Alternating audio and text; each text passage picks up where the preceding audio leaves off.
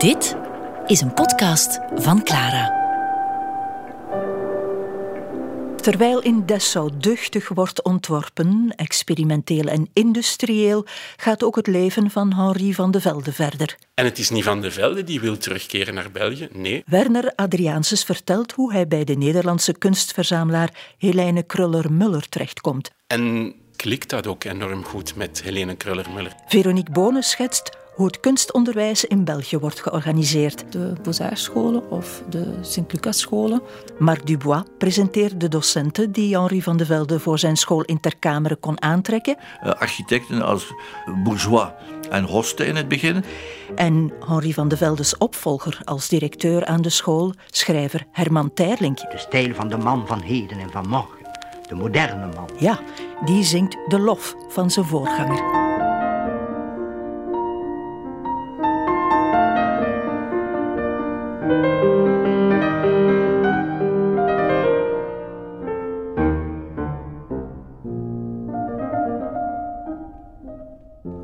Van der Velde zit in Zwitserland, in Oetville, wil daar eigenlijk ook een school oprichten. Ik vind geen financiering, dat lukt niet. En dan is er een dame die in zijn leven uh, opduikt en dat is Helene Kruller-Muller. Um, Helene Kruller-Muller, die al verschillende grote architecten versleten heeft voor haar museum, die ze onbekwaam vindt. En het is Berlage, Hendrik Petrus Berlage, die, die zegt van ja, er is een groot architect die zonder werk zit voor het moment, dat is Henri van de Velde. En in tegenstelling tot al zijn voorgangers klikt dat ook enorm goed met Helene Kruller-Muller. Hij begint daar in 1920. Dan komt weer de geschiedenis. Je ziet alles in het leven van Van de Velde speelt mee. Want wat wordt er belangrijk voor uh, Helene Kruller-Muller? Wat is er belangrijk? Van de Velde is niet alleen de architect, maar Van de Velde is ook schilder geweest, is in, heeft in die artistieke milieus rond 1900 gecirculeerd. En wat is eigenlijk de hoofdhobby van mevrouw Kruller-Muller, is schilderijen verzamelen tot één werk per dag op een bepaald moment. De grootste collectie Van Gogh buiten het Van Gogh Museum zit in het Kruller-Muller Museum. En dan komt Van de Velde natuurlijk erg van pas. Hij heeft in Duitsland gezeten. Hij kent al die grote collectioneurs die vaak ook moeten verkopen om de schuld van Duitsland af te, af te lossen. Worden er belastingen gegeven. Hij weet ook waar dat er goede werken zitten die los kunnen geweekt worden. Hij kent heel die geschiedenis goed. Dus eigenlijk naast architect is hij ook psychologisch. Ja, wordt hij eigenlijk haar kunstconseiller, als je kan uh, het zo noemen. Op dat moment wordt er ook enorm veel gekocht, ook veel Belgische kunst. Al die werken komen daar dan terecht in die periode. Hij is dan ook architect, maar het is zijn hoofddoel. Hij zou heel graag naar België terugkeren.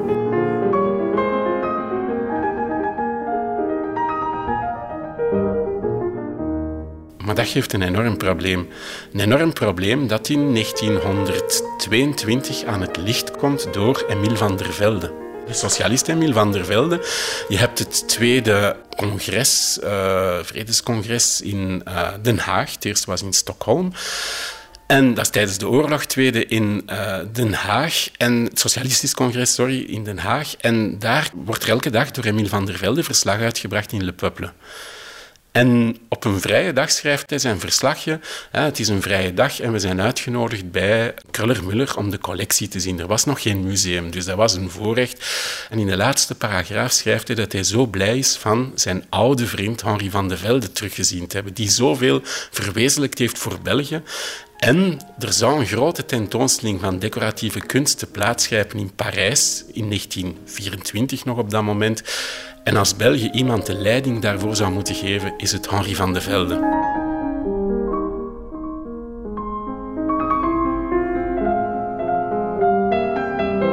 De belangrijkste tijdschrift in de jaren 20 is La Cité, uitgegeven in Brussel hier.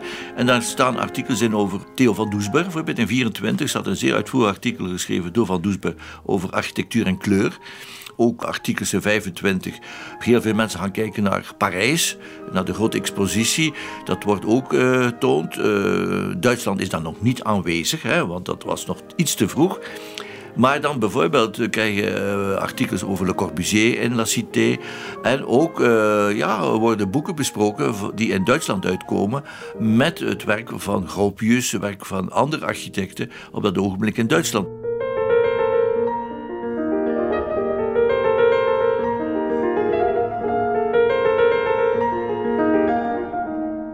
Mensen eh, in Nederland die, eh, laten we zeggen, de laatste periode meegemaakt hebben. Dessau, vanaf 6, 27, 28.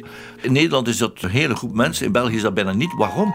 Omdat in 26 van der Velde de opdracht krijgt een school kan starten in La Cambre, het Instituut Supérieur d'Art Décoratif, onder Camille Huismans. Camille Huismans heeft eigenlijk alles gedaan om Van der Velde terug te krijgen na een periode Zwitserland en Nederland bij de familie Kroller-Müller om uh, Van der Velde terug te krijgen. Hij is dan aangesteld als prof in geschiedenisarchitectuur in Gent aan de universiteit. Men heeft in 1925 ook verkiezingen.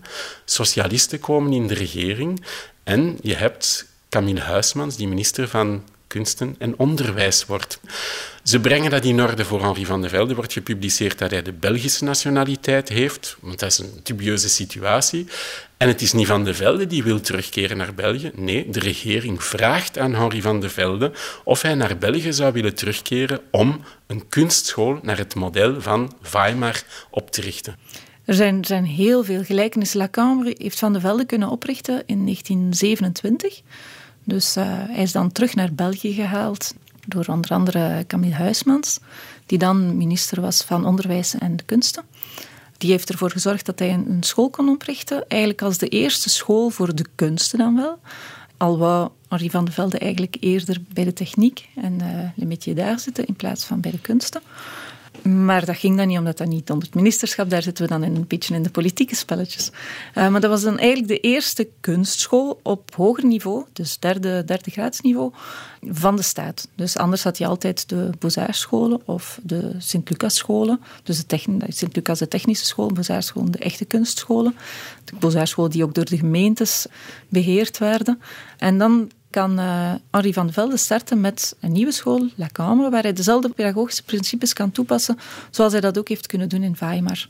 Zijn kunstgewerbeschule is gesloten in 14 en La Cambre start pas in 27, dus er zit wel een periode tussen. En hij zegt het dan ook zelf, hij, niet hij alleen, maar ook de politiek, ook de architecten in die periode zeggen van we hebben 30 jaar achterstand in alles wat uh, het industriële industrial design is voor, voor België. En dat moet opgekrikt worden.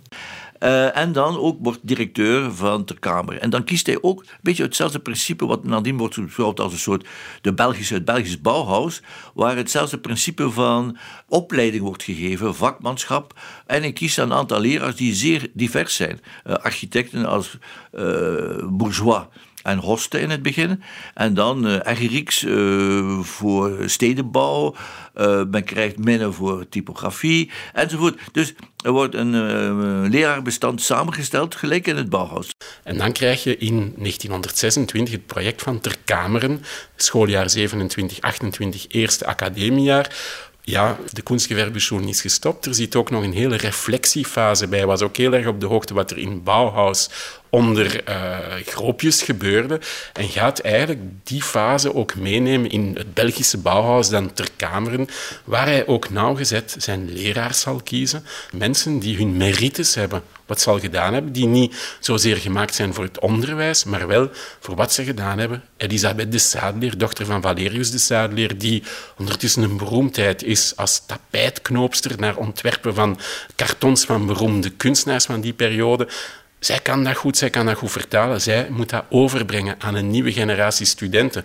Albert van Uffel, die iedereen kent van de basiliek van Koekelberg, wordt niet aangenomen voor architectuur. Het zal misschien niet verbazen, het gebouw is niet zo populair, maar moet ik basiliek van Koekelberg het interieur zien. Of de woningen van Van Uffel, de interieurs. Dan zie je een fantastisch meubelontwerper die gaat eigenlijk de cursus benisterie gaan geven. Hoe maak je meubel, hoe concipieer je meubel, dergelijke meer.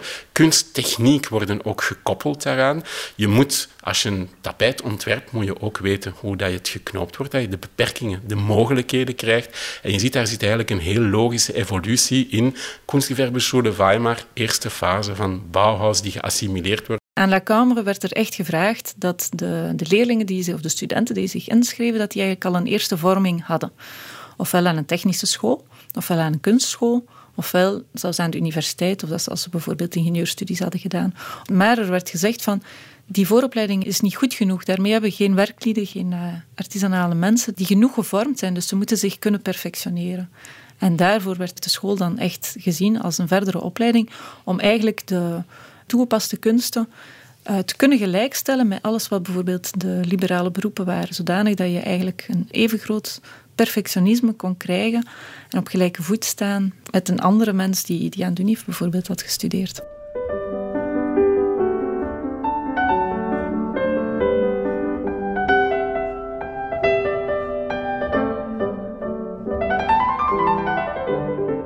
Van de Velde kan van in het begin eigenlijk een, een hele schone crew van mensen aanstellen. De architecten die bijvoorbeeld aangesteld waren, die hadden al wel een renommee. Dus die, die hadden al wel een, een gekendheid. Victor Bourgeois was plots gekend geworden met, met zijn cité die hij in Sint Berchem in 1923 al, al had kunnen bouwen. Huip Hoste bijvoorbeeld. Maar die heeft dan eigenlijk halverwege het eerste jaar is die moeten aftreden wegens een, uh, een werfongeluk dat is gebeurd op een, uh, op een werf van, van hem. Dus daarom moest hij, moest hij aftreden als, als professor. Maar zo zie je dan ook dat, dat binnen La Cambre eigenlijk van in het begin een beetje ook in de architectuur de verschillende stromingen zo'n beetje vertegenwoordigd waren. Uh, van der Eggerichs, uh, Pomp, uh, Host, Victor Bourgeois. En dat maakt ook deel uit van, van, van de moeilijkheid van de school, maar ook wel van de rijkheid van de school, dat die verschillende visies wel allemaal er samenkwamen. Elisabeth de Sadeleer voor, voor het uh, weefatelier, Herman Terlink dan ook voor, uh, voor het theater, uh, Joris Minne voor alles wat druktechnieken zijn en reclame. Dat was dan bijvoorbeeld ook een vak. Reclame was ook een, een nieuw vak dat dan gegeven werd, wat dat bijvoorbeeld ook aan de Bauhaus was, maar nog niet in, nog niet in de Kunstgewerbeschule. Maar dat is ook eigen aan zijn tijd. Fotografie is er lang niet geweest, dat is er nu wel. Maar dat, was, dat zat waarschijnlijk in de, in de druktechnieken. Werd er met fotografie gewerkt, maar fotografie was geen, geen vak op zich. Ook niet op de Bauhaus trouwens, was dat heel lang geen officieel vak.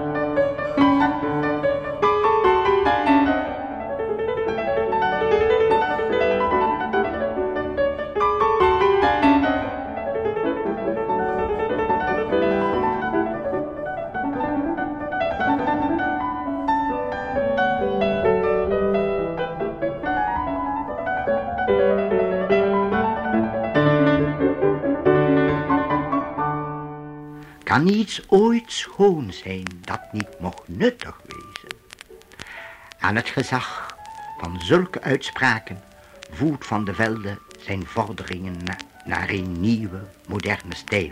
De stijl van de man van heden en van morgen. De moderne man die de lijkgewaden heeft afgelegd. Want de moderne man heeft zich zegevierden ontpopt en voedt zich baden in een tijd die hem gelijk bronnenwater ontsteekt.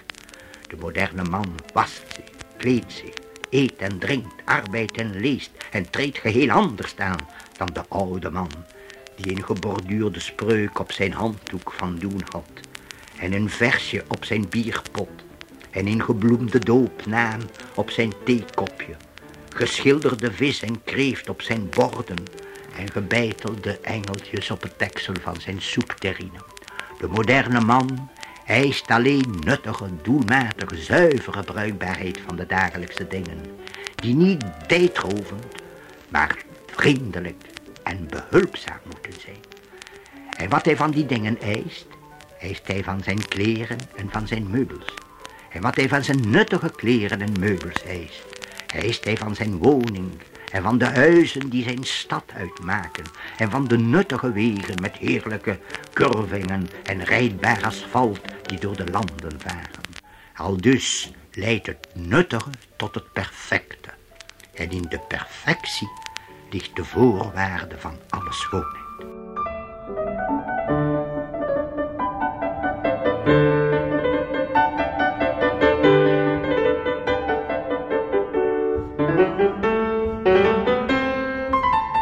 Terlink heeft ook nog een fijne biografie in zijn tijd te plaatsen, maar hij heeft ook een biografie over Van Velde geschreven. Dus daarin merk je hoe hij ook opkeek naar de meester. En er zijn ook uh, tal van interviews nog gedaan met uh, studenten die de, de eerste 10, 15 jaar aan de school gestudeerd hebben.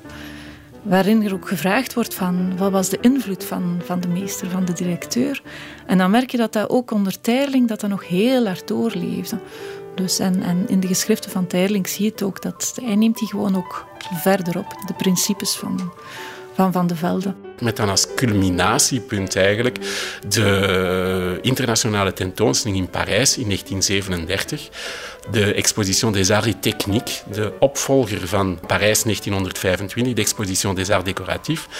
Daar is het niet meer in 37 Horta die het paviljoen gaat bouwen. Het is Van de Velde die het paviljoen gaat bouwen. Wie wordt er aan het hoofd gesteld van als commissaris-generaal? Niet een edelman zoals in 1925, nee, Raymond Vaxelaire. Van de Velde heeft dat allemaal in de hand. Wie is Raymond Vaxelaire? Is de eigenaar van Au Bon Marché, het luxueuze groot warenhuis in Brussel. Een industrieel. Een industrieel ook een heel interessant programma dat Van de Velde uitwerkt. Men had de traditie van speciaal voor een internationale tentoonstelling of wereldtentoonstelling te ontwerpen, een soort van prototypes te zetten. Dat gaat ook gebeuren voor 1937, maar Van de Velde wil absoluut ook dat een commissie een keuze maakt van uitzonderlijke objecten die in de handel te verkrijgen zijn. Dus niet speciaal gemaakt ervoor. En eigenlijk ga je heel die generatie van ter kameren van die eerste jaar gaan eigenlijk tentoonstellen in Parijs in 1937.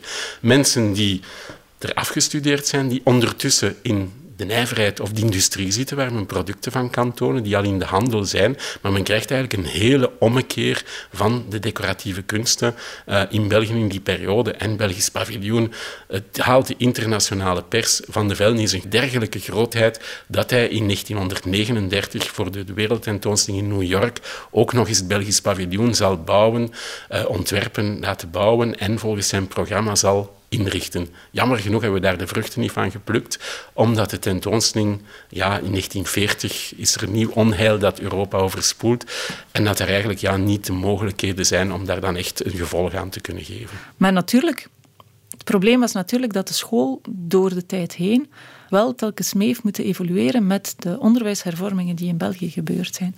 Dus dat was dan natuurlijk wel het probleem in 36 bijvoorbeeld, uh, het diploma van architectuur dat ingesteld wordt, terwijl op zich was Lacambe een vormingsschool, dus je krijgt een attest dat je een vorming hebt gedaan, maar je hebt geen diploma. En zo moet, het, de school verder, verder zich wringen in het, het politieke, wat dat dan ook tot, tot spanningen leidt, waardoor dat dan uiteindelijk uh, het architectuurinstituut afgescheiden wordt van de rest van, uh, van de kunsten. En waardoor dat in 2010 de architectuurschool ook is opgenomen geweest in, uh, in de universiteit. En de, de kunstenschool nog verder kan blijven bestaan.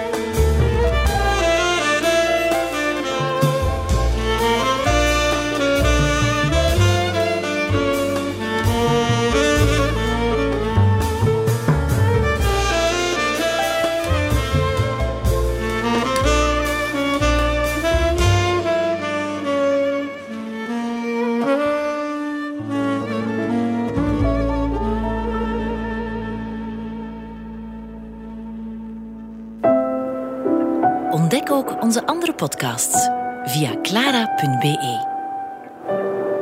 Clara Podcast. Blijf verwonderd.